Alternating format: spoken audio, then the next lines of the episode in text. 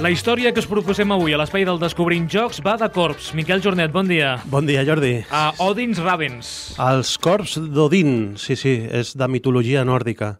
Per aquella gent que li agradi el tema, mm, és un joc també de cursa. Doncs eh, comencem a la, a la fitxa del, del joc, el nom del joc. Odin's Raven és un joc original del 2002, però que aquesta és la seva segona versió, és una reimplementació de 2016. Qui és l'autor? Un autor alemany que es diu Thorsten Gimler. L'il·lustrador, l'artista gràfic? És eh, Johann Egerkrans. Editorial? És una editorial anglesa que es diu Osprey Games. Per tant, aquest joc només el trobem en anglès. De moment és d'importació, sí, sí. Número de jugadors? Dos jugadors. Edat recomanable? A partir de 8 anys. Temps de la partida? 20-30 minutets. Mecàniques bàsiques que farem servir a l'hora de jugar? Doncs eh, és un joc que proposa una cursa perquè realment és una cursa dels corps, eh, d'aquests corps del déu Odin, i després gestió de mà, perquè juga amb una pila de cartes. El preu? 20-22 euros. La nota?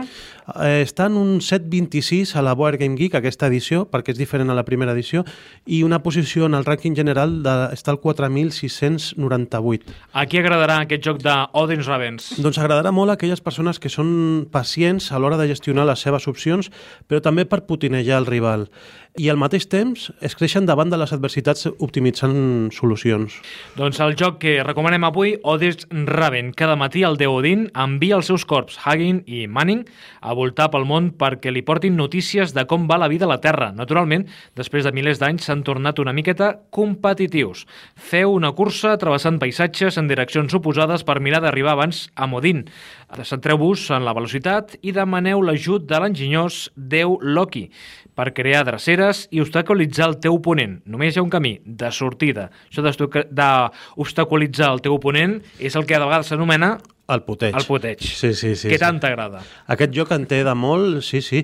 És un joc que la seva edició original, la del 2002, va guanyar un premi, l'IGA, que IGA és eh, International Games Awards, per un molt bon joc per dos jugadors, eh, perquè era una franja que cobria molt bé l'editorial alemana Cosmos i ara mateix l'han reimplementat i han canviat algunes coses. Per això a la Board Game Geek trobem dos jocs, dues fitxes, una per l'original i una per aquest, perquè són jocs lleugerament diferents, ho hem de dir. Doncs aquí tenim els dos corps. Són de fusta tallades, estan, estan molt bé tallats així al làser. Hi ha un de color blanc i un altre de color fosc perquè s'identifiquin, perquè moltes vegades es jo, poden... Jo agafaré el fosc. Ja, ja, ja et veig. Sí, sí. és que ara és que me l'has posat aquí al costat, eh? Sí, sí, sí. Com va el tema? Les cartes que tenim, si et fixes, són cartes més allargades de lo normal, són cartes així tipus tarot. Té un sentit, perquè s'ha de fer un seguit de cartes, de 16 cartes s'han de posar seguides, i això conformarà una mena de, de tauler, que és per on passaran els corps, de, de punta a punta i faran com una ferradura per tornar eh, cap a l'altra banda, perquè aquestes cartes eh, tenen dos trossos de paisatge, perquè la gent s'ho imagini és com si siguessin peces de dominó, on hi ha un número del dominó, hi ha un dibuix d'un paisatge que pot ser un camp de blat, una muntanya, un riu, i a l'altre hi ha un altre tros de paisatge. Quan es posen aquestes cartes en línia, t'estan donant un tauler de 32 caselles, 16 per una banda i 16 per l'altra. I són les 32 caselles que hauran de recórrer els dos corps que es posen a la punta en forma de ferradura, hauran de fer una ferradura quan arribin a la del final i tornar un torna per on ha entrat un i l'altre surt per l'entrada de, de l'altre. O sigui que han de fer el, el viatge a la inversa. Són aquests cors que envia el déu Odin per veure com va el món, no? I ho envien, els envia cada matí i aquests dos cors, doncs mira, s'han tornat competitius i al final juguen una mica contra ells. Doncs uh, aquest joc recomanem avui. A més, amb una de les il·lustracions que tinc aquí a la, a la mà, Miquel em recorda molt al Sandro Rey, eh? Ah, sí, sí, sí, sí, sí, total. Sí, sí, és, un, és, és, és el déu Loki, no? Perquè... Eh... Què és el déu Loki? Sí, sí, sí. Doncs em recorda al Sandro Rey. Uh, passa els autors són alemanys, no? Sí, sí, crec que l'artista gràfic eh, pot ser holandès, però no ho tinc clar. Eh? L'autor sí que és alemany. És un autor que per mi eh, ha fet un dels millors jocs, per, per no dir el millor joc de majories, per dos jugadors, que és l'Aton, que el va fer l'any 2005. És un joc molt abstracte que segurament no portarem aquí a la ràdio perquè, perquè els jocs abstractes costen bastant d'explicar, però és un joc molt recomanable també per dos jugadors eh, de majories. Aquest joc, eh, una vegada hem, hem format el tauler, els jugadors tenen dues piles de cartes. Una que són cartes de, de paisatge, que és per, els paisatges per on passen els seus corps, i l'altra que són les cartes de Loki. Els jugadors han de robar cinc cartes i el, les regles del joc diuen que amb total llibertat pots robar cinc cartes de paisatge i una de Loki, o pots robar quatre de Loki i una de paisatge, o el número que vulguis, però al final has de tenir cinc a la mà. I es juga una carta i després es roba una altra hi ha menys cartes de Loki perquè són realment les potents, les que serveixen per intentar millorar-te el teu camí o també fastiguejar el de, el de l'altre jugador. I és aquí on hi ha tot el, tot el puteig. Què passa? Que si eh, robes molt seguit de Loki, al principi et quedaràs sense aquestes perquè es van gastant i després només tindràs cartes per anar passant pels paisatges. I a lo millor l'altre jugador és quan aprofita i totes les seves cartes de Loki pues, te les tira en contra i, i realment et pot eh, fastiguejar molt la partida.